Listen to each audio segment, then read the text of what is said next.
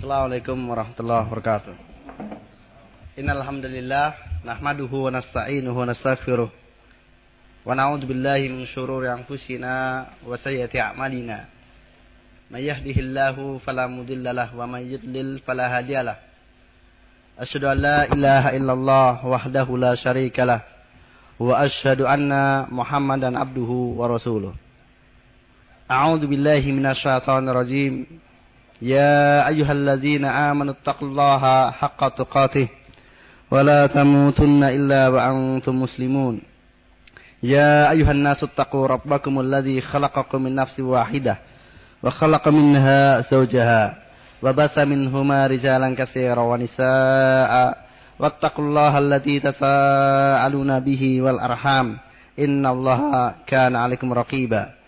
يا أيها الذين آمنوا اتقوا الله وقولوا قولا سديدا يصلح لكم أعمالكم ويغفر لكم ذنوبكم ومن يطع الله ورسوله فقد فاز فوزا عظيما أما بعد فإن أصدق الحديث كتاب الله وخير الهدي هدي محمد صلى الله عليه وسلم وشر الأمور محدثاتها فإن كل محدثة بدعة وكل بدعة ضلالة wa kulla dhalalatin finnar. Ikhwani wa akhwati fillah rahimani wa rahimakumullah. Alhamdulillah puji syukur kita panjatkan kepada Allah SWT bahwa pada sore hari ini kita dipertemukan di salah satu dari rumahnya dalam rangka untuk bertafakufiddin. Mudah-mudahan Allah SWT memberkahi perjumpaan kita. Amin. Ikhfafillah rahimani wa. Saya bergembira dengan sangat atas kehadiran antum semuanya dan tampak wajah penuh semangat, ceria dan menunjukkan rasa haus akan ilmu dan inilah nikmat yang sangat besar yang Allah Subhanahu karuniakan kepada mereka orang-orang yang telah dibukakan hatinya untuk memahami bahwasanya tafakuh fiddin adalah suatu hal yang sangat penting. Dan ini adalah merupakan alamat dari kehendak Allah SWT kebaikan kepada kita. Mudah-mudahan saya dan antum semuanya diberikan istiqomah oleh Allah Taala untuk senantiasa terus menerus mencintai tentang tafakufuddin. Karena itulah alamat yang Allah buat bagi siapa yang dikehendaki kebaikan. Sebagaimana Rasulullah Sallallahu Alaihi Wasallam bersabda, "Mayurillahu bi khairan yufaquhu fiddin." Barang siapa yang Allah Subhanahu wa taala kehendaki padanya kebaikan, maka Allah Taala akan fakihkan dia dalam masalah din. Dan tentang pentingnya ilmu, keutamanya dan kewajiban-kewajibannya yang Allah sudah antum dapatkan pada majelis-majelis yang banyak dan mungkin juga tadi pagi ya berbicara masalah hal itu. Ikhwafidina sallallahu ayakum dan pada kesempatan perjumpaan kita pada beberapa hari mulai hari ini dan hari-hari mendatang insyaallah kita akan mengkaji dua kitab yaitu kitab Al-Wajibat Al-Mutahattimat Al-Ma'rifah ala kulli muslimin wa muslimah dan kitab salah satu usul. Kalau kita perhatikan dari apa namanya uh, amaliyah para ulama, mereka memang sangat apa, memperhatikan untuk kemudian mengkaji kitab. Ya.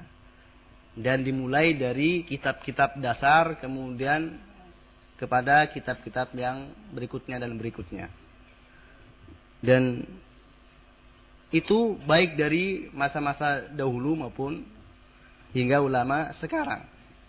Lebih-lebih kitab-kitab seperti ini, ini amat sangat dianjurkan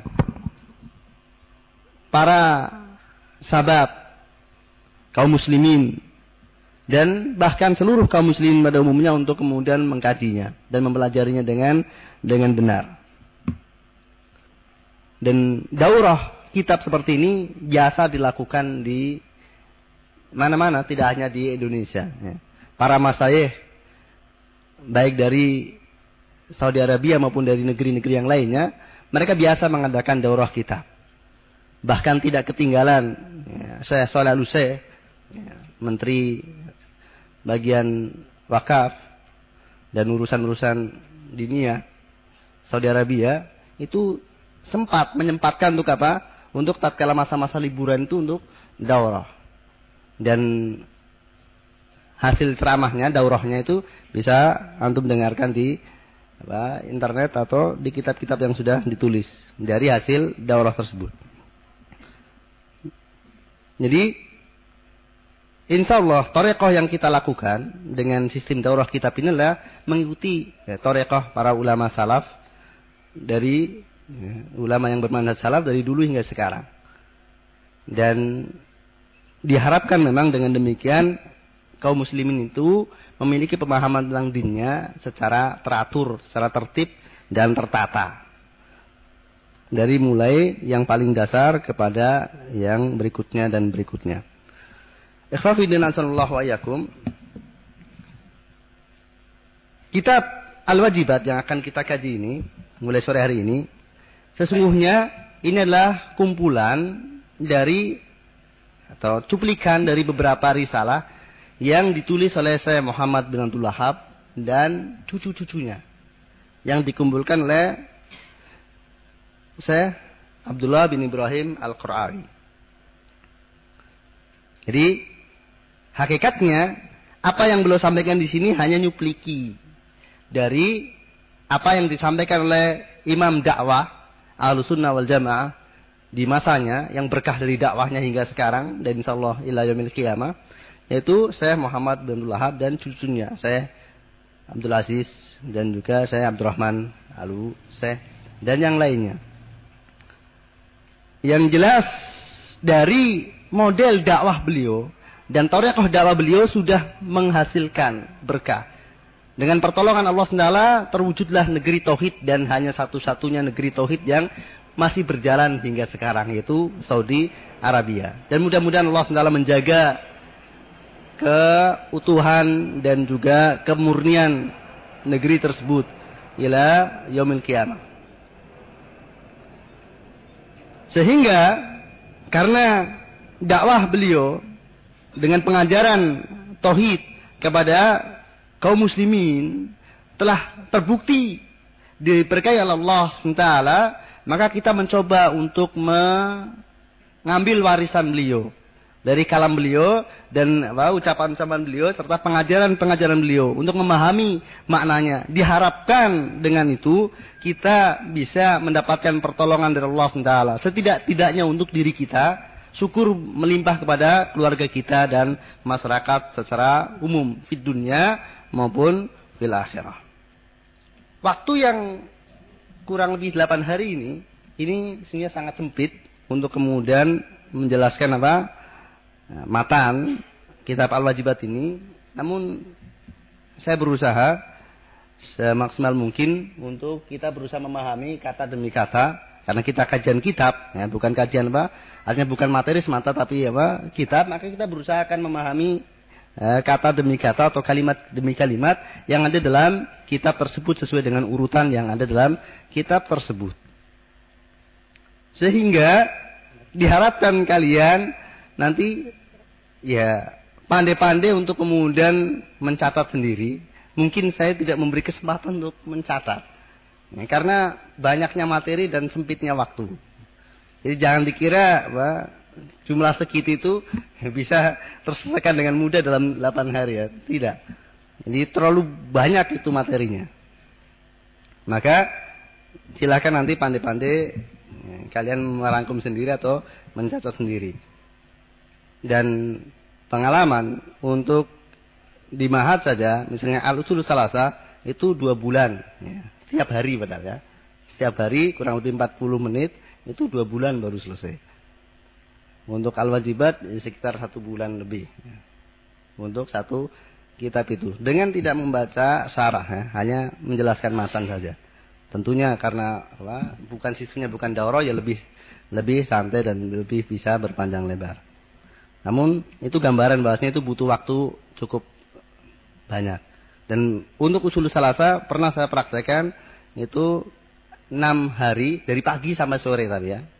Pada duhur tidak, artinya tetap ada. Itu enam hari itu pun dengan sangat singkat dan sangat cepat. Itu butuh enam hari usulu salasa. Nah, nanti bisa kita lihat dan mudah-mudahan karena ini adalah forumnya forum mahasiswa secara umum, saya percaya antum memiliki kecerdasan yang di atas rata-rata, maka cukup mendengar sekali langsung teringat dan nanti bisa mencatatnya di rumah. Semua yang saya sampaikan dicatatnya belakangan. Insya Allah begitu. Kita mulai ya. Saya mungkin banyak berdiri.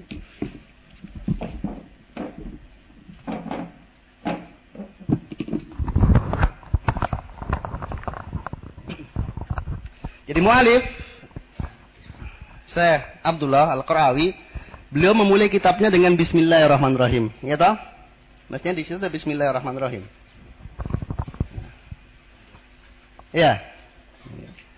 Jadi bismillahirrahmanirrahim ini merupakan kebiasaan seorang mualif memulai kitabnya dengan bismillahirrahmanirrahim.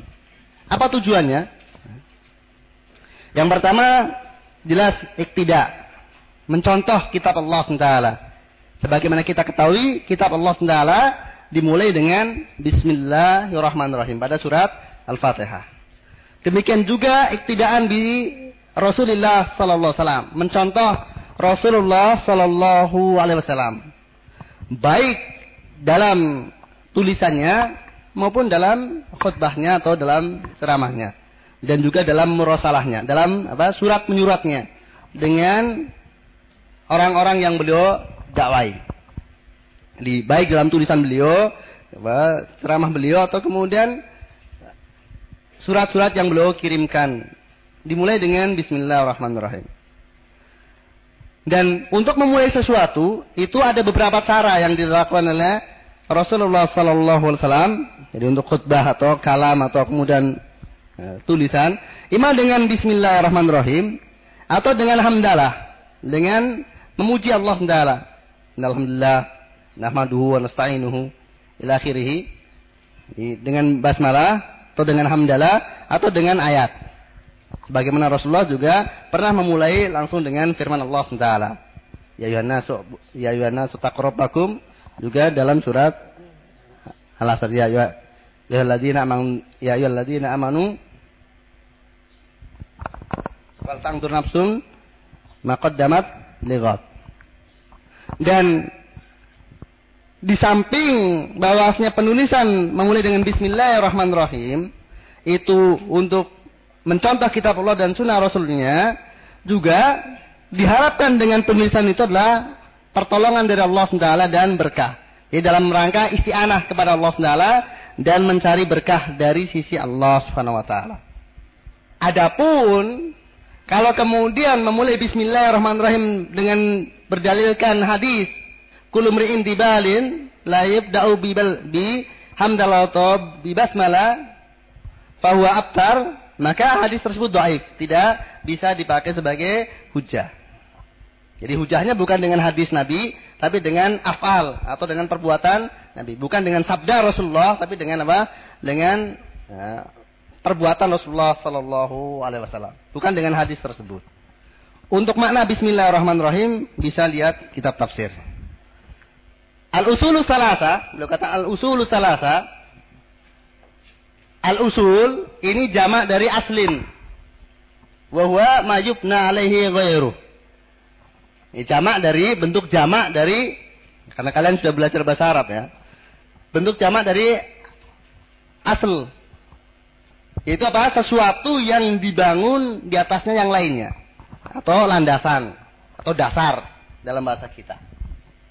Jadi dasar-dasar yang yang tiga. Nah kata beliau al-usulu salasa apa? Allati yajibu ala kulli muslimin wa muslimatin ta'allumuha. Usul salasa tersebut itu wajib ya, yang merupakan kewajiban bagi setiap muslim dan muslimah untuk mempelajarinya. Kalam ini jelas diambil dari apa apa yang dikatakan oleh saya Muhammad bin Wahab dalam kitabnya Al-Usul Salasa di antaranya. yang tiga landasan utama ini, ini bukan apa mujarot perkataan syekh tanpa dalil. Bahwasanya kewajiban bagi setiap muslim dan muslimah untuk mempelajari al-usulu salasa itu itu beliau ambil dari apa? Dalil. Yaitu dalil tentang pertanyaan kubur. Bahwasannya seseorang itu kelak tatkala dia meninggal, siapa pun dia orangnya akan ditanya tentang tiga pertanyaan. Nah itulah usul salasa. Yang mana di dalam al-usul salasa ini, ini tidak boleh bagi seseorang untuk taklid. Apa alasannya? Karena orang-orang munafik atau orang-orang yang ragu, tatkala ditanya, mereka ha ha ha. Sami'tu nas yaquluna fakultu. Aku mendengar manusia mengatakan, aku katakan. Artinya apa? Mereka mengatakan atau tidak? Mereka mengatakan. Mereka tatkala di dunia mengatakan, tapi tidak dibangun di atas ilmu. Maka tidak bermanfaat. Jadi, tentang usul salasa ini memang wajib untuk mengetahui berdasarkan berdasarkan dalil. Tidak boleh seorang untuk taklid. Dan tidak akan seorang itu bisa selamat dari apa, fitnah kubur kecuali apabila dia mengetahui usul salasa ini dengan apa? Dengan dalilnya. Oleh karena itu, usul salasa ini adalah hal yang sangat yang sangat penting yang tidak boleh tidak bagi setiap kita untuk mengetahuinya. Maka beliau katakan, Allah yajibu ala kulli muslimin wa muslimatin ta'allumuha. Itulah kalam hak. Ya. Perkataan beliau adalah benar. Beliau katakan yang wajib apa itu wajib? Ma'amar bisyari ala wajib ilzam. Sesuatu yang diperintahkan oleh syariat dalam bentuk harus. Artinya apa? Kalau dikerjakan karena Allah Taala mendapatkan pahala dan kalau ditinggalkan dia berhak mendapatkan siksa. Itulah yang maksudnya wajib. Sesuatu yang diperintahkan oleh syariat dalam bentuk yang harus, yang tidak boleh tidak ma amara bisari ala wajil ilzam. Yang hukumnya atau kadang ulama mendefinisikan dengan definisi yang lain yaitu yang apabila dikerjakan intisalan karena mengharap pahala dari Allah, karena melaksanakan perintah Allah, maka dia mendapatkan pahala dan apabila dia meninggalkannya, maka dia berhak mendapatkan siksa. Itu hukum apa? usulus salasa. Hukum mempelajarinya. Wajib. Wajib apa? Fardu ain atau fardu kifayah? Karena wajib terbagi dua. Kalau dari apa yang sudah saya sampaikan, kira-kira fardu apa? Fardu ain. Maka belum katakan, ya ala kulli muslimin wa muslimatin. Ya ala kulli. Di sini, ini menunjukkan apa? menunjukkan wajib untuk tiap-tiap individu atau fardu fardu ain. Muslimin wa muslimatin. Siapa muslim itu? Seorang dikatakan muslim yaitu seorang yang mengucapkan sahadatain, melaksanakan konsekuensinya dan tidak melakukan pembatal. Nah, ini penting ini. Jadi seorang dikatakan muslim apabila dia mengucapkan sahadatain, asyhadu alla ilaha illallah wa asyhadu anna Muhammadan Rasulullah, kemudian melaksanakan konsekuensinya dan tidak melakukan pembatal dari sahadatannya tersebut. Itulah yang dikatakan seorang muslim. Maka salah kalau kemudian tatkala seorang dika, dikatakan apa? Apa dia? Dia seorang muslim apa alasannya? Dia bersadatan Mestinya apa? Dia orang bersyahadat dan saya belum mengetahui bahwasanya dia melakukan apa? Pembatal.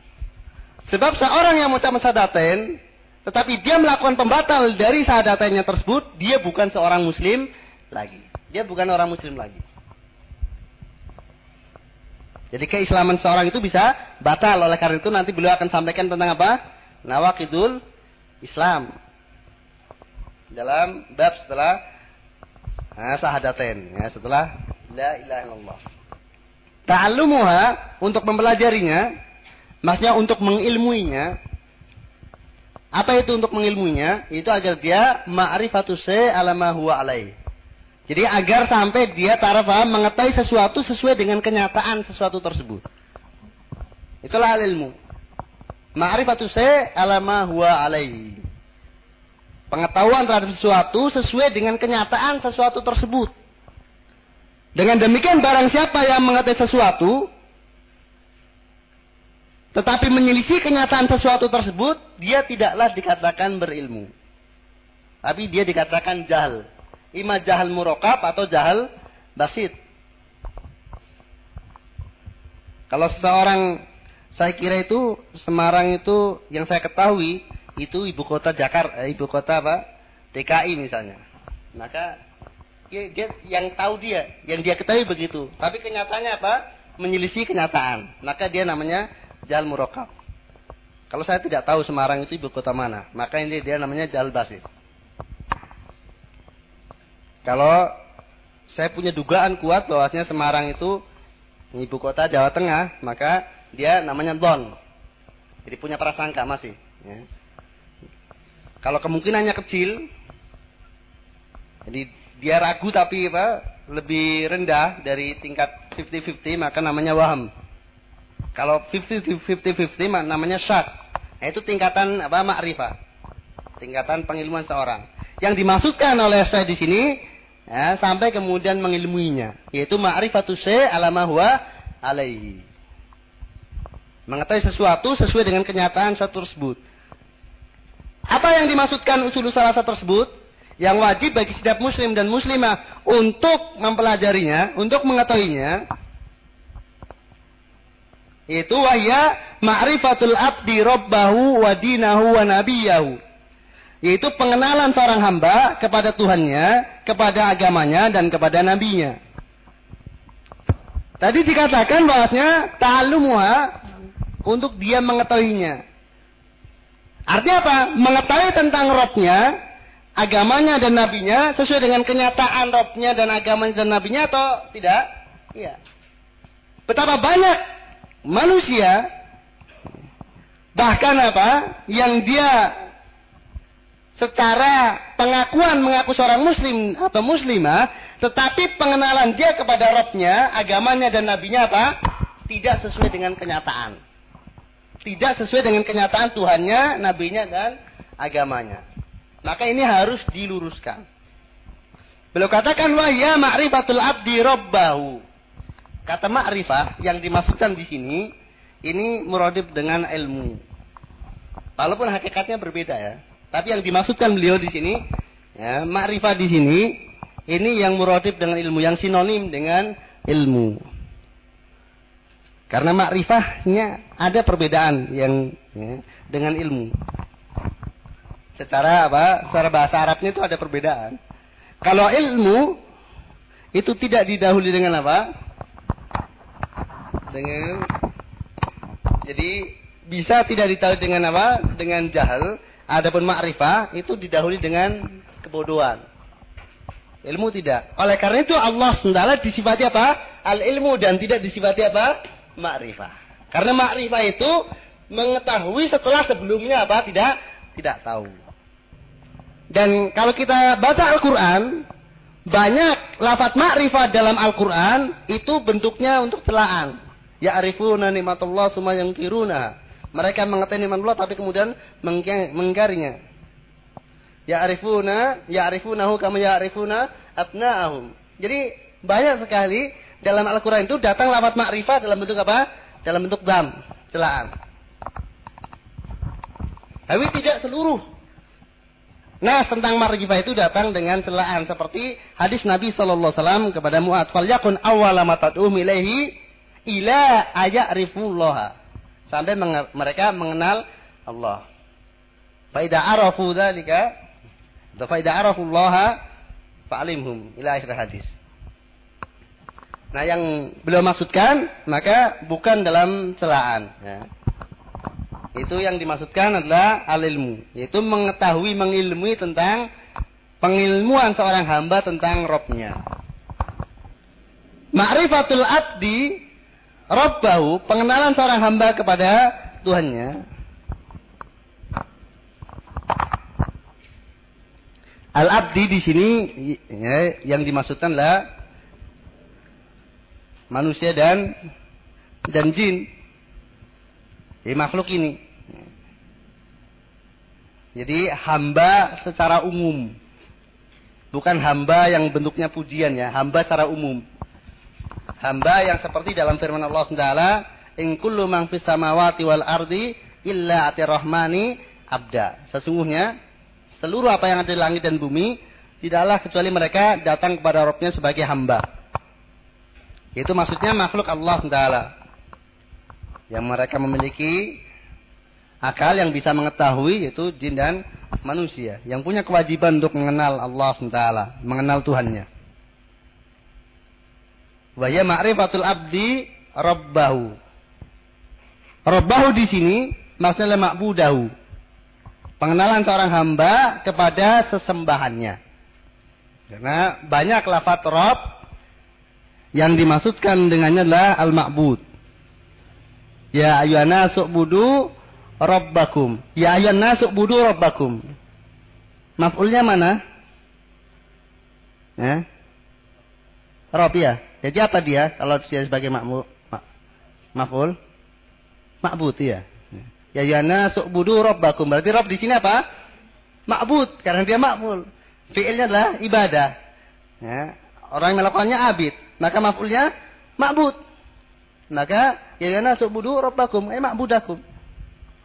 Maka pertanyaan alastu bi rabbikum. Maka bukankah aku adalah ma'budukum. Sebab kalau Ar-Rabb bimana al-Khaliq, al-Mudabbir, ar-Razik, al-Muhyi, al-Mumit. Itu diketahui oleh siapa pun. Tapi kadang bahwasanya Rob yang Khalik, yang Razik, yang Mudabbir itu adalah satu-satunya makbutnya itu tidak diketahui oleh banyak orang. Jadi kalau secara lengkap ya, Arab itu yang meliputi apa? Al-Khaliq, pencipta, Ar-Razik yang memberi rezeki, kemudian Al-Mudabbir atau Al-Malik yang menguasai, yang memiliki Al-Mudabbir yang mengatur, Al-Muhi, Al-Mumit yang menghidupkan, yang mematikan, biadihi an-naf wadhar, di tangannya lah manfaat dan madarat. Yang Rob dengan makna seperti itu, itu sudah diakui oleh apa? Oleh seluruh manusia. Namun Rob biman al-ma'bud satu-satunya, ini yang kebanyakan manusia mengingkarinya. Dan insya Allah akan kita apa bicarakan secara panjang lebar dalam al-usul salasa tentang pengenalan kepada Rob ini. Kalau dalam al-wajibat hanya secara singkat secara global. Jadi yang dimaksud di sini ma'rifatul abdi rabbahu adalah ma'budahu. Dia harus mengenal siapa sesembahannya. Wadinahu dan agamanya. Din yang dimaksudkan di sini adalah ma syara'allahu ma sara'ahu Allahu ala alsinatir rusuli atau ala, ala alsinatir rusulihi.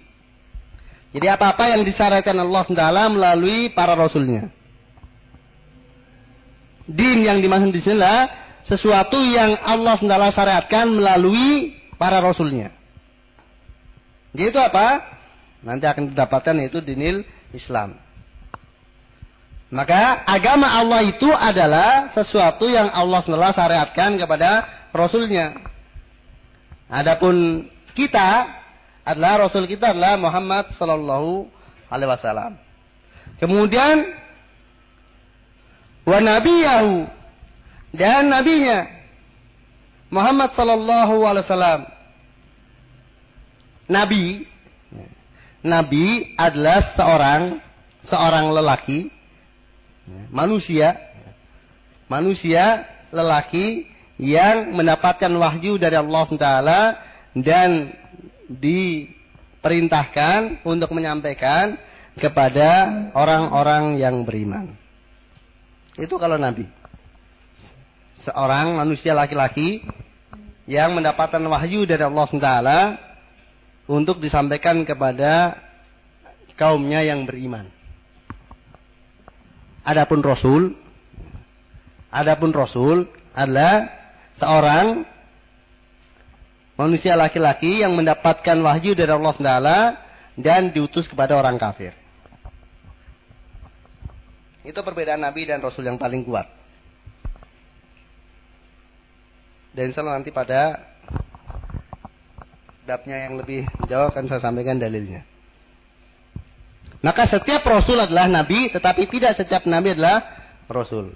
Maka yang dimaksudkan di sini wa Nabi Yahu Muhammad SAW lah termasuk dalamnya adalah Rasulnya. Nabi Yahu wa Rasulahu Muhammad Sallallahu Alaihi Wasallam. Muhammad Sallallahu Alaihi Wasallam akan kita bicarakan pada babnya. Siapa beliau itu? Perhatikan, setelah saya menyampaikan tentang usul salasa secara global, yaitu ma'rifatul abdi rabbahu wa dinahu wa nabiyahu Muhammad sallallahu alaihi wasallam, inilah al-usul al-salasa. Baru kemudian belum mulai merinci wa idza qila laka man rabbuk faqur rabbi Allah alladzi rabbani wa rabba jamil alamin bi ni'matihi wa huwa ma'budi laisa li ma'budun siwa.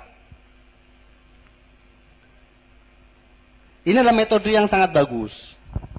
Tatkala menyampaikan secara global terlebih dahulu untuk supaya apa? Supaya diingat dan dicamkan terlebih dahulu, baru kemudian di, ditafsil, dirinci.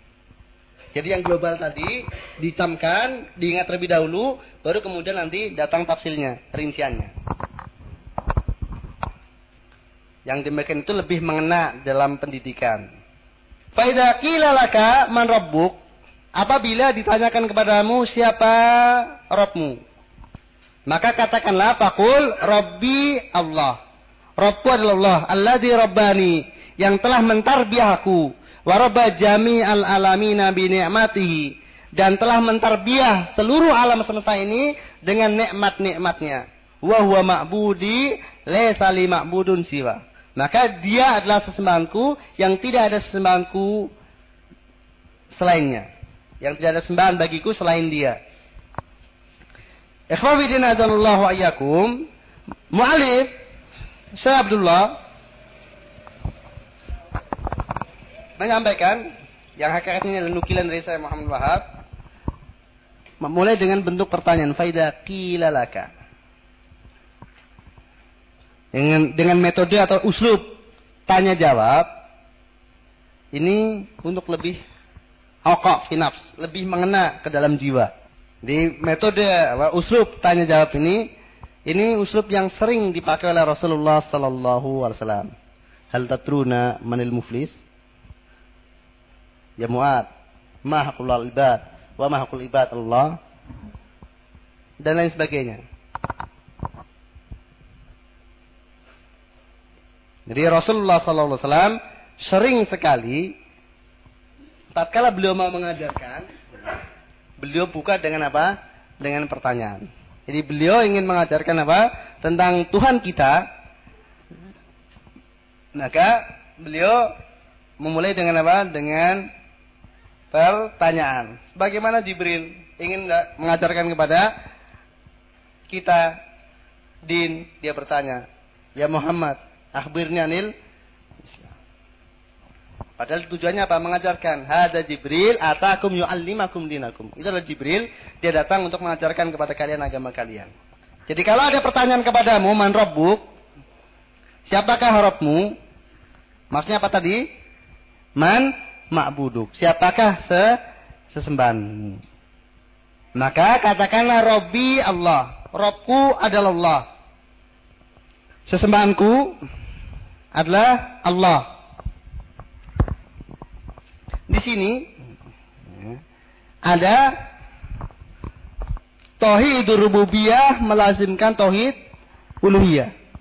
Rabbi Tuhanku yang telah menciptakan aku, yang telah memberikan rezeki kepadaku, yang telah mengatur aku, dialah Allah, dialah sesembahanku. Karena pada nama Allah terkandung mana? Uluhiyah. Jadi kalau Arab dan Allah digandengkan, maka Arab itu pada makna rububiyah dan Allah pada makna uluhiyah. Dan tauhid rububiyah melazimkan tauhid uluhiyah. Tauhid rububiyah melazimkan tauhid uluhiyah. Bahwasanya pengakuan seseorang tentang Tuhannya yang mencipta, mengatur rezeki mengharuskan baginya untuk menghamba hanya kepada kepadanya. Seseorang boleh mengatakan jadi mengidofahkan salah satu dari alam semesta ini kepada Allah SWT dengan syarat tidak memberikan kesan jeleknya. Seperti ini. Robbi. Allah adalah Robbi. Itu boleh selama tidak ada kesan jelek. Jadi kita kan bagian dari alam semesta ini. Disandarkan kepada Allah SWT boleh. Selama tidak memberikan kesan jelek. Tapi kalau memberikan kesan jelek tidak boleh. Karena tidak beradab kepada Allah SWT. Seperti babi makhluk Allah atau bukan? Iya. Tapi kalau kemudian Allah ada Tuhannya babi, tidak boleh. Kalau Allah Tuhanku boleh. Tapi Allah Tuhannya babi, maka diterangkan seperti itu, tidak boleh. Walaupun apa? Babi memang apa? Allah yang menciptakan. Rabbul Khonazir atau Rabbul Kirdah. Rabbul Konafis dan lain sebagainya. Rabbul Tubab. Tidak boleh. Karena apa? Tidak beradab. Walaupun benar dalam ucapannya tapi tidak tidak boleh karena tidak beradab. Tapi Rabbul Ka'bah, Rabbul Malaika, Rabbul Nabi, Rabbuna itu boleh yang tidak memberikan kesan jelek. Siapakah itu? Allah. Roku itu Alladhi Rabbani wa Rabba jami al-alamina bi ni'matihi.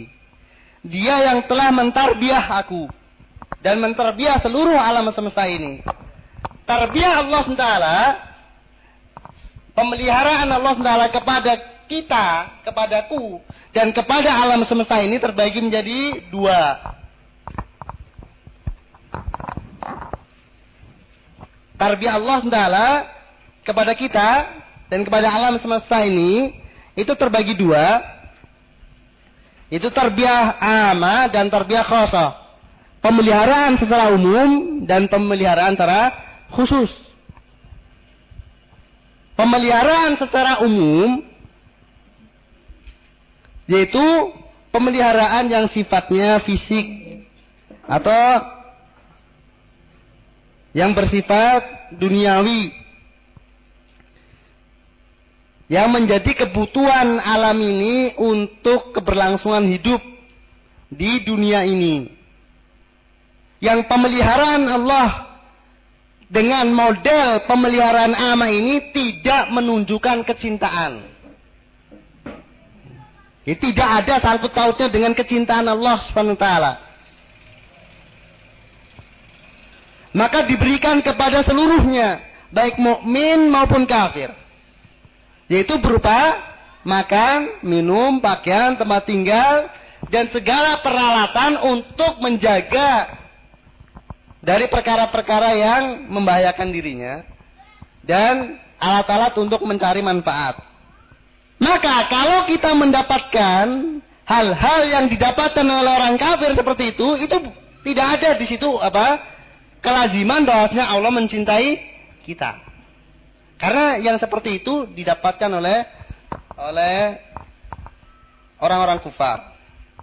Maka seseorang jangan sekali-kali dia membanggakan sesuatu yang orang kafir itu juga mendapatkannya. Orang kafir juga memilikinya. Kekayaan atau istri yang cantik atau kemudian ya, rumah mewah dan lain sebagainya. Pokoknya segala sesuatu yang sifatnya duniawi jangan dibanggakan. Karena apa? itu tidak ada hal yang bisa bahkan apa bisa jadi itu suatu malapetaka. Dan kita lihat bagaimana kehidupan Rasulullah Sallallahu Alaihi Wasallam. Maka untuk masalah duniawi, artinya gemerlap duniawi, beliau adalah orang yang tidak mendapatkan gemerlap duniawi. Bahkan Umar bin Khattab pernah ya, menangis tatkala melihat Rasulullah Sallallahu apa tidur di atas tikar sehingga membekas. Sementara dia melihat bahwasanya apa penguasa-penguasa Romawi Persia hidup dengan gemerlapan kok Nabi Allah kok seperti ini hidupnya? Jadi bukan merupakan bukti kecintaan Allah SWT tatkala dia mendapatkan apa? Mendapatkan tarbiyah yang ama. Maka jangan sekali-kali kita merasa apa? Merasa bahwasanya kita dicintai oleh Allah SWT dengan apa? Dengan mendapatkan hal-hal seperti itu. Adapun yang kedua yaitu tarbiyah khosa yaitu yang berupa ilmu nafi dan amal yang soleh. Ilmu yang bermanfaat dan amal yang soleh. Nah itulah yang di, apa, hanya diberikan kepada orang-orang khusus. Yang merupakan bukti kecintaan Allah Taala kepada orang-orang tersebut. Apabila mendapatkan ilmu yang bermanfaat dan amal yang soleh. Maka seluruhnya, seluruh nikmat duniawi yang diberikan Allah kepada orang-orang seperti itu adalah untuk dalam rangka apa? Dalam rangka melanggengkan apa? Ilmu dan amal solehnya. Jadi kalau nikmat duniawi kemudian mengantarkan dia apa mendapatkan ilmu yang bermanfaat dan amal soleh karena duniawi tersebut maka itu bukti bahwasanya duniawi yang diberikan kepadanya itu juga apa merupakan kecintaan Allah kepadanya.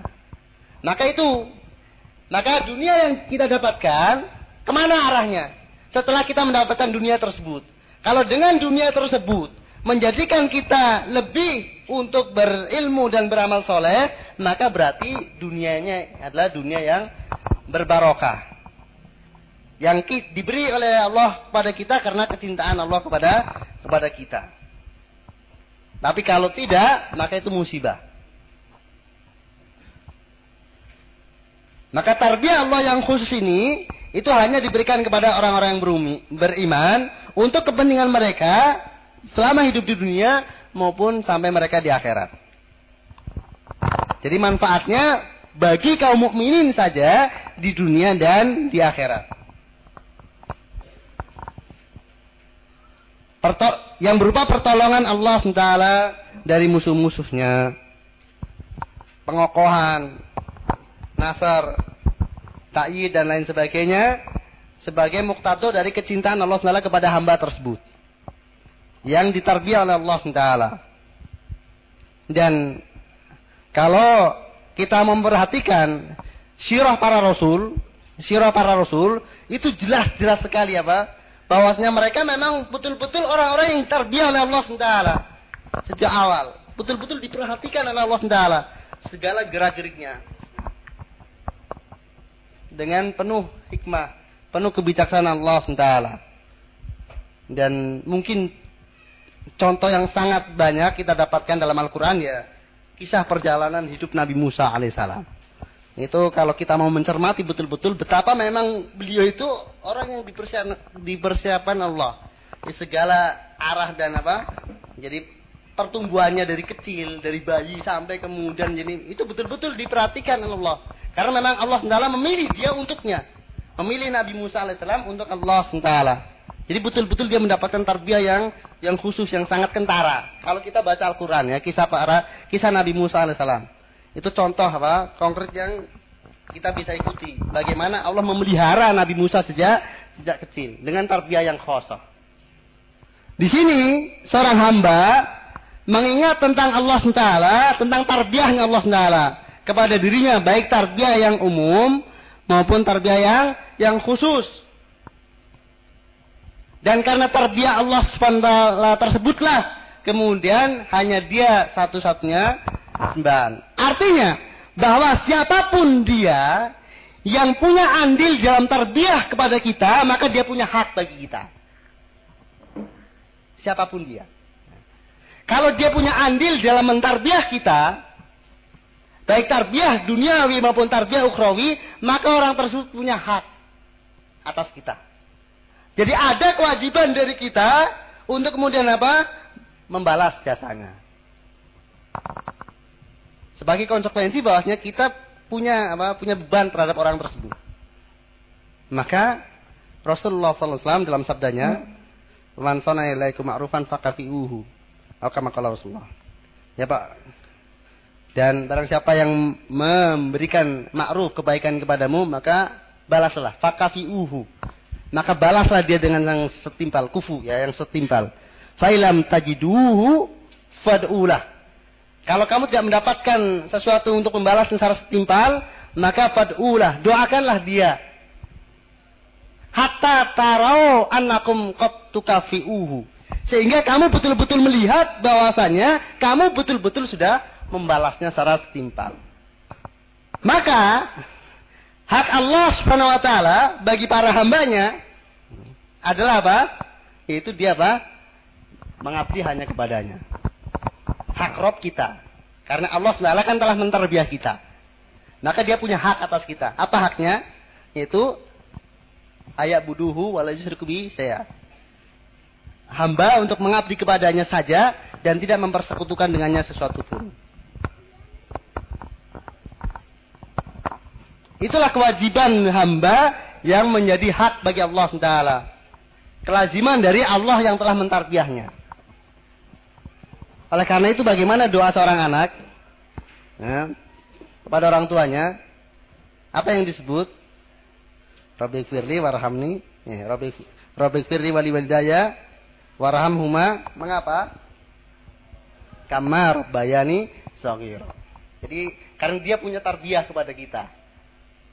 Maka dia punya hak untuk kita doakan. Ada ada hak padanya atas kita karena dia punya andil dalam tarbiyah kita.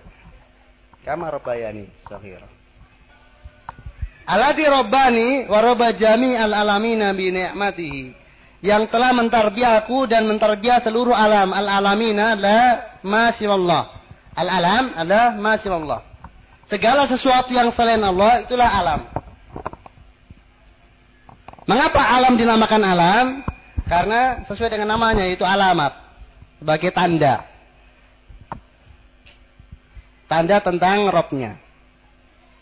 Ya alam adalah segala sesuatu selain Allah Taala.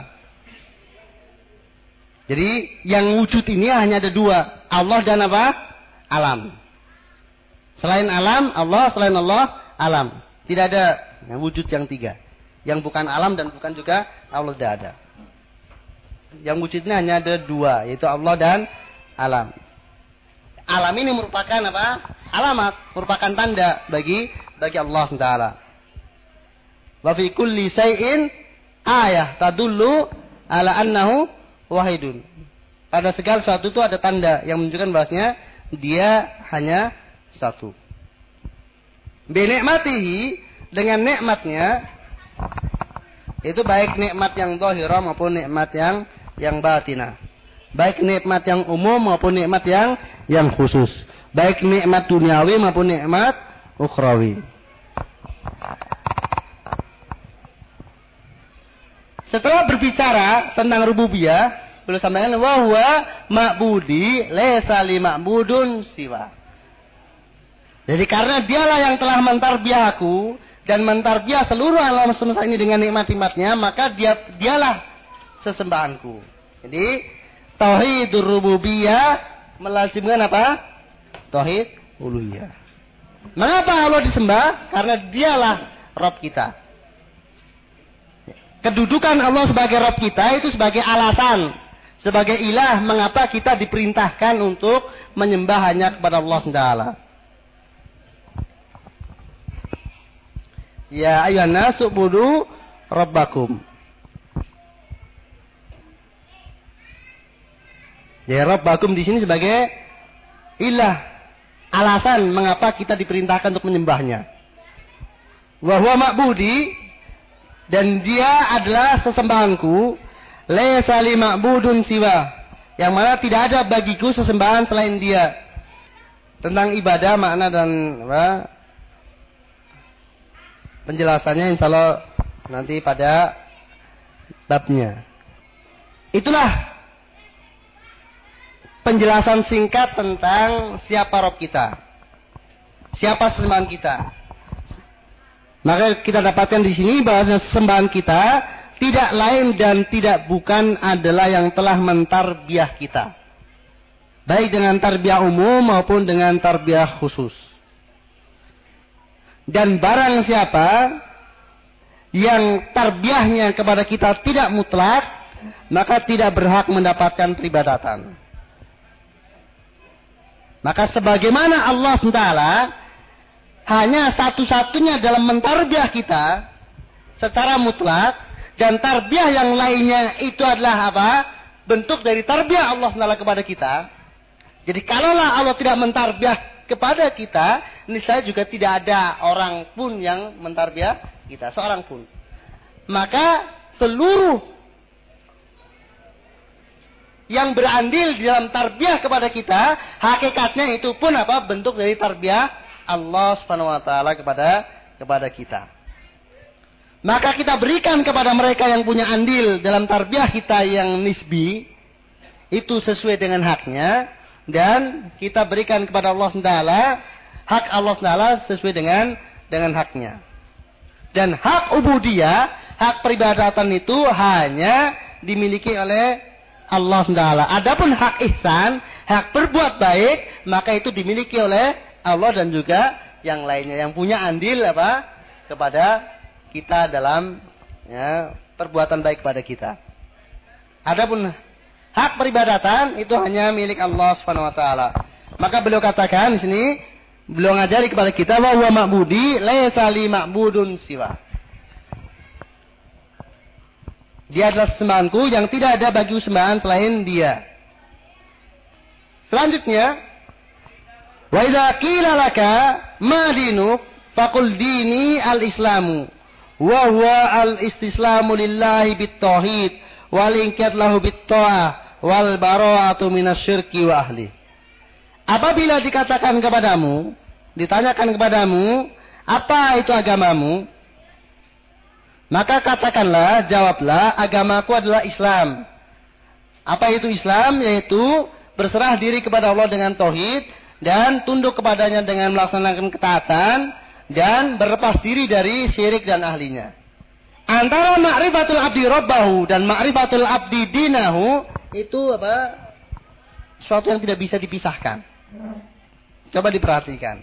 Tatkala kita katakan wa ma'budi laisa li ma'budun siwa, bahwasanya dia adalah sembahanku yang tidak sembahan bagiku kecuali dia tidak akan mungkin Allah Taala membiarkan hamba ini tatkala haknya adalah beribadah hanya kepadanya semata kemudian membiarkan hamba untuk tidak mengetahui bagaimana cara beribadah kepada Allah Taala. Nah, tata cara beribadah kepada Allah itulah yang dituangkan dalam apa? dalam din. Yaitu dengan apa? Dengan Allah mengutus Rasul. Oleh karena itu apa tadi? Din itu adalah apa? Apa-apa yang Allah syariatkan melalui lisan Rasul. Yang dengan din tersebut kita beribadah kepada Allah Taala. Alladzi ta'abbada ta'abad nabihi ilallah. Yang dengan agama tersebut kita beribadah kepada Allah Subhanahu wa taala. Yang mana Allah SWT tidak akan pernah menerima bentuk peribadatan seorang hamba yang keluar dari jalur apa? Jalur din. Jadi satu-satunya sarana untuk kita beribadah hanya, beribadah hanya kepada Allah adalah dengan dinnya. Maka tidak bisa, tidak mungkin seseorang itu bisa terlepas dari apa? Tidak mengenal apa? Tidak mengenal agamanya setelah mengenal Allah. Karena Allah SWT hanya menjadikan satu-satunya sarana untuk mengabdi kepadanya, yaitu dengan apa? Dengan melaksanakan dinnya. Maka setiap orang yang mengabdi kepada Allah SWT dan dia keluar dari jalur din Allah SWT, maka dia tidak akan pernah sampai kepada Allah SWT. Dia salah jalan dan hakikatnya dia tidak mengabdi kepada Allah SWT. Maka kalau ditanyakan kepada kita, apa agamamu? Maka katakanlah agama adalah al-Islam. Boleh jelaskan apa itu Islam? Itu istislamu lillah bitauhid wal ingkat lahu bitta'ah wal minasirki wa. Pengertian Islam yang beliau sampaikan di sini adalah pengertian Islam secara umum. Jadi, pengertian Islam yang beliau sampaikan di sini adalah pengertian Islam secara secara umum. Yaitu bahwasanya Islamnya seluruh manusia adalah seperti ini. Jadi siapa pun orangnya yang dia beragama Islam, maka agama Islam adalah seperti ini. Dari zaman ke zaman. Jadi sejak Nabi Adam alaihissalam ila yaumil qiyamah Yang beragama Islam adalah yang yang beragama seperti ini itu istislam lillah bitauhid wal ingkat lau bil ta'a wal bara'atu minasyirki wahli. Adapun pengertian Islam secara khusus pengertian Islam secara khusus itu perbeda hanya dikhususan di sini saja. Yaitu bitaati Rasulullah sallallahu alaihi wasallam. Dalam semuanya sama. Tapi ketaatan di situ yaitu hanya kepada artinya hanya apa yang diajarkan oleh Rasulullah sallallahu alaihi wasallam. Artinya barang siapa yang dia berserah diri kepada Allah dengan tauhid dan tunduk kepadanya dengan ketaatan tapi tidak taat kepada Rasulullah, maka dia bukan seorang muslim untuk sekarang ini. Jadi Islam yang khusus adalah Islam yang dibawa oleh Muhammad Sallallahu Alaihi Wasallam. Ya, setelah diutusnya Nabi Muhammad Sallallahu Alaihi Wasallam, agama Islam itu adalah agama yang diajarkan oleh beliau. Tidak ada di sana agama Islam yang lainnya. Maka tidak dikatakan kepada orang-orang yang tidak beriman kepada Nabi Muhammad Sallallahu Alaihi setelah diutusnya beliau, Walaupun mereka seorang muwahid, seorang yang taat kepada Allah, melaksanakan syariat umat terdahulu, bukanlah orang yang apa? Bukan orang muslim. Dan dia tidak beragama Islam. Dan dia tidak berserah diri kepada Allah SWT. Tapi dia tetap dikatakan orang yang durhaka kepada Allah SWT. Karena setelah diutusnya Nabi Muhammad SAW, maka Islam yang ada di sisi Allah hanya Islam yang diajarkan oleh, oleh beliau. Adapun agama yang dulu mansuh. Maka nanti kita akan dapatkan pada pembatal keislaman bahwasanya ulama telah sepakat kafirnya orang yang menganggap bolehnya seorang dari umat ini keluar dari apa? Dari syariat Muhammad sallallahu alaihi wasallam sebagaimana keluarnya Khidir dari Nabi Musa alaihissalam. Telah sepakat nang kafirnya. Walaupun dia tidak menyembah kecuali hanya kepada Allah. Dan dia betul-betul melaksanakan ketaatan. Tapi keluar dari syariat ketaatan menurut dirinya. Atau ketaatan menurut siapa yang bukan menurut Rasulullah Sallallahu Alaihi Wasallam. Jadi hakikatnya agama Islam dari Nabi Adam alaihissalam sampai Nabi kita Muhammad sallallahu alaihi wasallam adalah ini. Istislamulillah bitohid walingkat lahu bitoa wal bara'atu minasyirki wa. Istislamu lillah bitauhid itu berserah diri kepada Allah dengan tauhid. Itu dengan mengesahkan Allah Taala dalam rububiyah, kemudian uluhiyah dan asma wa sifat. Nanti akan ada bab tersendiri tentang aksamut tauhid. Jadi istislam lillah berserah diri kepada Allah bitauhid bianwaihi. Dengan tauhid dengan ketiga macamnya. Walingkiat lahu bitoah dan tunduk kepada Allah Taala dengan taat. Dohiran wa batinan. Dohiran wa batinan. Baik secara dohir maupun secara secara batin. Nah, yang namanya taat adalah muwafaqatul amr. Jadi mencocoki perintah. Baik perintah untuk melaksanakan maupun perintah untuk meninggalkan. Itu baru taat. Tunduk kepada Allah Taala dengan melaksanakan ketaatan Secara batin tidak boleh tidak. Seorang itu harus tunduk batinnya kepada siapa? Kepada Allah SWT. Yaitu dengan menerima. Dan merasakan pada dirinya bahasanya dia wajib untuk tunduk kepada Allah SWT. Dan secara dohir, secara dohir, taat secara dohir, ada di sana batas minimal yang tidak boleh tidak harus Orang itu melahirkan dohir ketaatan. Selebihnya dari asyhadu an la ilaha illallah wa asyhadu anna Muhammadan Rasulullah. Ada di sana, di samping syahadatain, amalan dohir yang tidak boleh tidak harus ada. Sebagai bentuk ketaatan. Agar dia masih dikatakan apa? Seorang muslim. Maka barang siapa yang hanya ingkiat batinnya dan lesannya dengan mengucapkan syahadatain tapi tidak melaksanakan ketaatan dohir sama sekali maka dia bukan seorang muslim. Karena dia dianggap tidak taat kepada Allah Taala. Nah besarnya ketundukan seorang hamba ke, kepada Allah Taala dengan taat itu ya sekadar dengan apa yang ada dalam batin dan dohirnya dari dari ketaatan. Ada di sana apa bentuk kedurhakaan yang menyebabkan dia keluar dari apa hilang status keislamannya dan ada di sana bentuk kedurhakaan yang tidak apa tidak mengeluarkan dia dari status keislamannya. Yang insya Allah akan kita bahas agak panjang tentang nawakidul Islam dalam babnya insya Allah dalam kitab tersebut. Jadi tadi dikatakan bahwasanya taat di sini adalah apa? Melaksanakan perintah baik perintah untuk apa?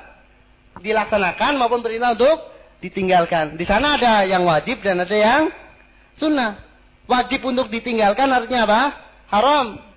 Sunnah untuk ditinggalkan artinya apa? Makruh. Wajib untuk dikerjakan? Ya wajib. Kemudian sunnah untuk dikerjakan? Sunnah. Nah, di sana ada kewajiban yang untuk dikerjakan. Yang apabila ditinggalkan apa? Batal apanya? Islamnya. Dan di sana ada larangan yang harus ditinggalkan. Yang apabila dilanggar apa? Batal Islamnya. Yang nanti insya Allah akan kita bahas dalam usul salah tentang permasalahan al-iman. Al-Islam, al-iman, dan al-ihsan. Insyaallah. Kemudian wal bara'atu minasyirki wa ahli, dari syirik dan ahlinya.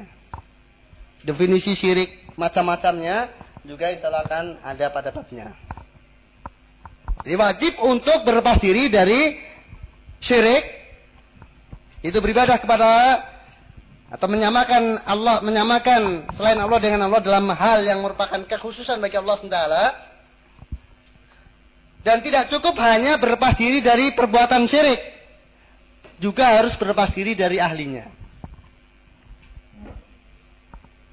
dan nanti kita akan dapatkan pembahasan secara lebih jauh tentang bentuk baroah kepada syirik dan ahlinya kapan baroah yang apabila tidak kita kerjakan apa? Batal Islamnya dan kapan baroah yang apabila kita tidak kerjakan masih tetap dianggap seorang muslim. Tapi wajib untuk baroah. Jadi kewajiban di sini wajib untuk baroah berlepas diri dari syirik dan ahlinya. Kewajiban di sini ada yang apabila kita langgar tidak kita kerjakan menjadi batal keislaman seorang dan apa ada di sana yang apabila dilanggar dia masih seorang muslim. Nah, kelaziman dari baro'atu syirik wa ahli adalah juga baro'ah dari al-bid'ah wa ahlihi wal ma'asiyah wa ahliha. Bid'ah wa ahliha wal ma'asiyah wa ahliha. Itu lawazimnya. Jadi, tidak boleh tidak. Seorang yang berlepas diri dari syirik dan ahlinya, dia harus berlepas diri dari apa? Dari bid'ah dan ahlinya. Dan juga maksiat dan ahlinya. Karena kemaksiatan dan kebid'ahan ini adalah apa? Sarana untuk sampai apa? Sampai ke syirik. Wasilah kepada syirik adalah maksiat dan bid'ah. Maka tidak sempurna baroah seseorang dari syirik dan ahlinya sehingga dia apa? Baroah dari bid'ah dan ahlinya, maksiat dan ahlinya. Oleh karena itu kadang kita dapatkan definisi dari ulama menambahkan dengan wal atau ki wal bid'ai wa ahlihima. Baroah dari syirik dan ahlinya ini konsekuensi dari la ilaha illallah wal bid'ai wa ahlihima konsekuensi dari apa? dari Muhammad Muhammadan Rasulullah. Nah bentuk baroah dari syirik dan ahlinya, di antaranya nanti ada bab khusus yaitu apa? Tentang hijrah. Itu bentuk baroah. Oleh karena itu Nabi Ibrahim hijrah, Nabi Muhammad SAW hijrah, Nabi Musa juga hijrah. Sebagai konsekuensi dari apa? Baroah kepada syirik dan ahlinya. Bid'ah dan ahlinya serta maksiat dan ahlinya. Maka barang siapa yang menyempurnakan kesemuanya ini, istislam lillah bitauhid wal ingkiyat lahu bitta'a wal bara'atu minasirki wa ahlihi dan lawazimnya maka dialah seorang yang betul-betul Islam secara sempurna. Dan sesuai dengan kadar kekurangannya kepada ini semuanya, maka sekadar itu pula kekurangan keislaman seseorang. Bisa hilang sebagian besarnya atau bahkan hilang sama sama sekali dan dia berubah menjadi statusnya apa? Orang orang kafir. Orang kafir yang bersahadatain. Ya, orang kafir yang mengucapkan sadatain. Walaupun hakikatnya dia ya, karena tidak setiap orang yang bersadatain tadi sudah saya katakan di depan, orang muslim adalah apa? Orang yang mengucapkan sadatain dan melaksanakan konsekuensinya dan tidak apa? Tidak melakukan pembatal. Maka kalau seorang sudah mengucapkan syahadatain asyhadu alla ilaha illallah asyhadu anna Muhammad dan Rasulullah, maka ada konsekuensi ini, istislamillah bitauhid wal ingkat lahu bil wal baratu minasyirki wa ahli. Sekadar kekurangan dia terhadap pelaksanaan ini semua, sekadar itu pula kekurangan keislamannya. Yang terakhir, wa idza qila laka man nabiyuka faqul huwa Muhammadun ibnu Abdullah ibnu Abdul Muthalib ibnu Hasim wa Hasim min Quraisy wa Quraisy min Arab wal Arab min dzurriyyat Ismail bin Isra bin Ibrahim al-Khalil alaihima wala nabiyina Abdullah salatu wa taslim. Dan apabila ditanyakan kepadamu siapa nabimu, maka jawablah nabiku adalah dia adalah Muhammad bin Abdullah bin Abdul Muthalib bin Hasim dan Hasim dari Quraisy dan Quraisy dari Arab dan Arab dari keturunan Ismail bin Ibrahim kekasih Allah Taala semoga kesejahteraan kepada keduanya dan kepada sepaling utama dari dan kepada Nabi kita sepaling utama salat dan taslim. Dan insya Allah pembahasan ini akan ada babnya secara tersendiri yaitu dalam kitab Al-Usulus Salasah Ma'rifatul Abdi Dinahu eh Nabiyahu Muhammad sallallahu alaihi wasallam.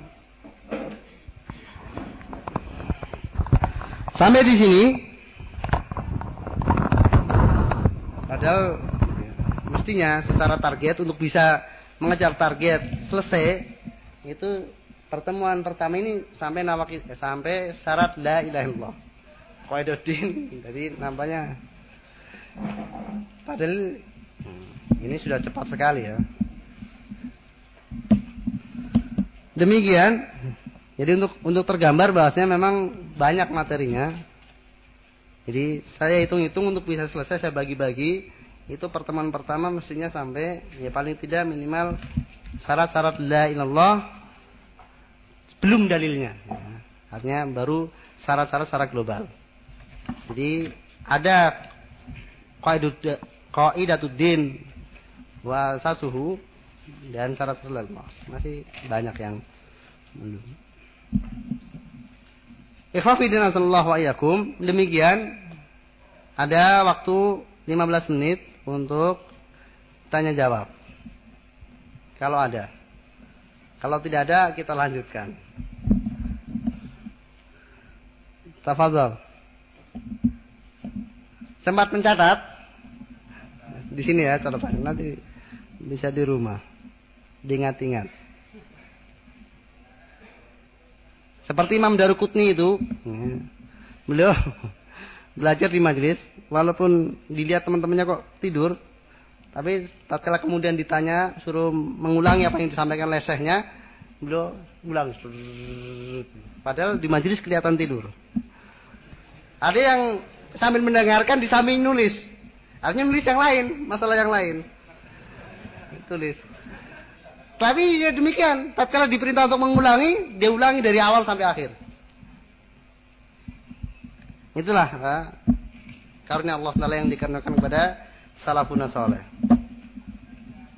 Dan ada yang kalau membaca ini, dilihat ini hafal, kemudian bilang ini hafal. Ini hafal, hafal. Terus gitu. Jadi karomah dari Allah Taala luar biasa. Tafadhol. Kalau ada pertanyaan. Iya, jadi seorang muslim yang kemudian dia tidak ada ketaatan minimal, ya dia bukan orang muslim, artinya orang kafir. Orang kafir ya tempatnya di neraka. Tidak melakukan apa-apa melebihi dari batasan minimal seorang muslim. Kan dia orang muslim toh? Iya. Selama dia masih umat Muhammad SAW berarti dia seorang muslim dan dia tidak punya amalan lebih melebihi amalan apa batasan minimal sebagai seorang muslim karena dia masih muslim kalau dia sudah tidak punya batasan minimal sebagai seorang muslim ya dia sudah orang kafir bukan bukan orang mukmin. Tapi dia orang kafir jadi ada batasannya. Tidak jadi bukan sekedar orang yang mengucapkan sahadaten dan itu itifak bahwasanya sahadaten bukan mujarot talafut maka nanti akan kita bicarakan, bicarakan setelah setelah satu pasal sudah ini yaitu tentang surut la ilaha illallah. Insyaallah. Ulama bersisi pendapat tentang apakah ada udur bil jahal di dunia ini ya, di dunia ini bagi orang yang berbuat syirik. Bagi ber, orang yang berbuat syirik. Syirik akbar ya, berbuat syirik. Sebagian ulama itu ada udur berjahal bagi dua kelompok manusia yang baru saja masuk Islam dan yang tinggal di pedalaman. Dua ya. Yang baru masuk Islam, kemudian dia melakukan syirik akbar, dan yang tinggal di pedalaman. Sehingga tidak sampai kepadanya dakwah sama sekali. Adapun yang sudah lama masuk Islam dan dia tinggal di mana? Di mudun, di kota-kota yang dakwah tersebar di mana-mana, maka tidak ada udur baginya. Sebagian ulama yang lainnya mutlak. Ya. Jadi untuk syirik akbar tetap saja dia dikatakan sebagai orang orang kafir walaupun jahil. Namanya orang kafir yang jahil. Adapun di akhirat maka ada udur bil jahal. Itifak ya. Di akhirat ada udur bil jahal. Untuk di akhirat. Adapun di dunia ini hukum di dunia. Sebagian ulama melihat dohirnya. Kalau dia dohirnya kafir ya kafir. Walaupun jahil.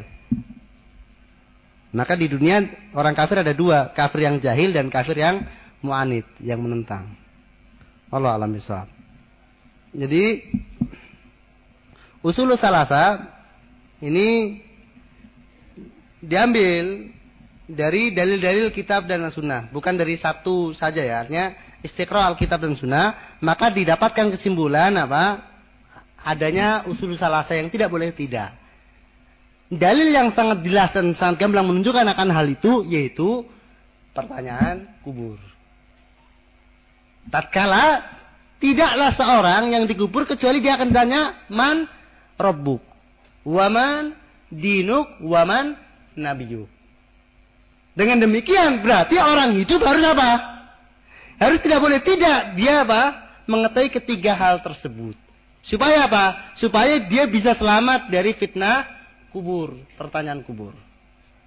Dan tatkala bahwasanya ada di kubur yang menjawab sami'tun nas yaquluna wa qultu aku mendengar manusia mengatakan dan aku mengatakannya dan dia tidak dianggap orang yang selamat di kubur, ini bukti bahwasanya dalam ketiga masalah tersebut tidak boleh tak taklid. Kan dia taklid berarti. Dia mengucapkan atau tidak? mengucapkan, tetapi tidak menyelamatkan dia. Taklid yang tersebut, hahaha. Ladri, sampai itu nasyakulan Dia tidak bisa menjawab dengan kuat, dengan benar. Jawaban atas dasar ilmu. Tapi dia menjawab atas dasar taklid dan dia dikelompokkan sebagai orang yang munafik. Tidak sebagai mana orang, tidak sebagai orang mukmin.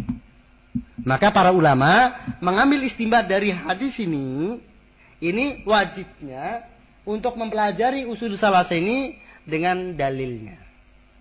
Bukan dengan taklid. Allah alam Adapun arkanul Islam ini adalah apa? Sebagian dari apa? Bagian dari ma'rifatul dinin Islam bil ma'rifatul Islam. Jadi rukun Islam ini nanti pembahasannya pada apa? Dinin Islam. Maka dalam usul salasa al aslu tadi ma'rifatun din Islam bil adillah, maka di sana ada pembahasan. Dibahasnya Islam itu ada tiga marotib, Islam, iman dan ihsan. Kemudian Islam ada lima rukunnya. Jadi akan itu hanya bagian dari apa? Dari ma'rifatu din tentang arkanun Islam. Wallahu alam bisawab. Ada yang lain? Kita sampai jam berapa waktunya? Habis sudah. Ikhwafidina sallallahu wa yakum.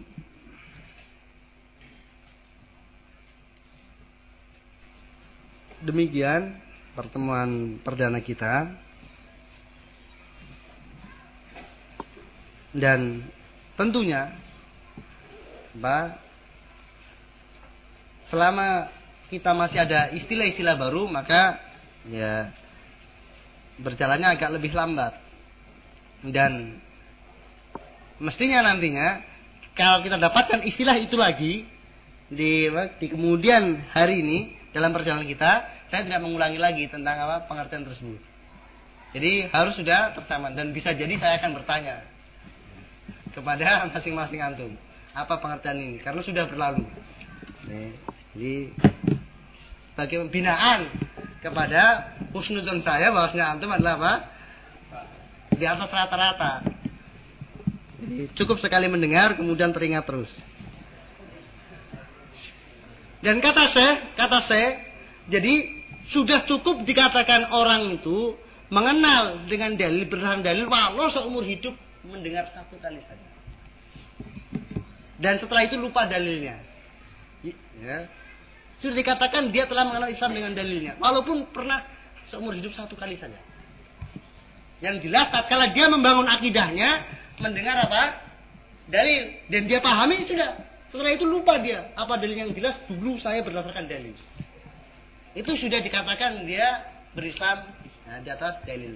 Maka nanti pembahasan yang cukup apa? Cukup panjang kita adalah fahmu dalil dan juga apa? Ya, istimbat artinya wajud dalalah. Untuk supaya apa? Minimal kita apa? Pernah paham dalil tentang apa yang kita yakini seumur hidup sekali minimal dan sudah dianggap cukup dia telah mengenal Islam dengan dalilnya, membangun keyakinan di atas dalil. Itu. Ya. Jadi ini ya termasuk tasdik ya, kabar gembira supaya lebih semangat. Demikian ya hafidin sallallahu yakum. Mudah-mudahan pertemuan kita ada manfaatnya bagi kita semuanya. Dan Allah SWT mengaruniakan kepada kita istiqomah untuk tetap bersemangat bertafakuh fiddin dan diberikan taufik untuk mengamalkan apa yang kita ingini. Subhanakallahumma wa bihamdika asyhadu an la ilaha illa anta astaghfiruka wa atubu ilaik. Assalamualaikum warahmatullahi wabarakatuh.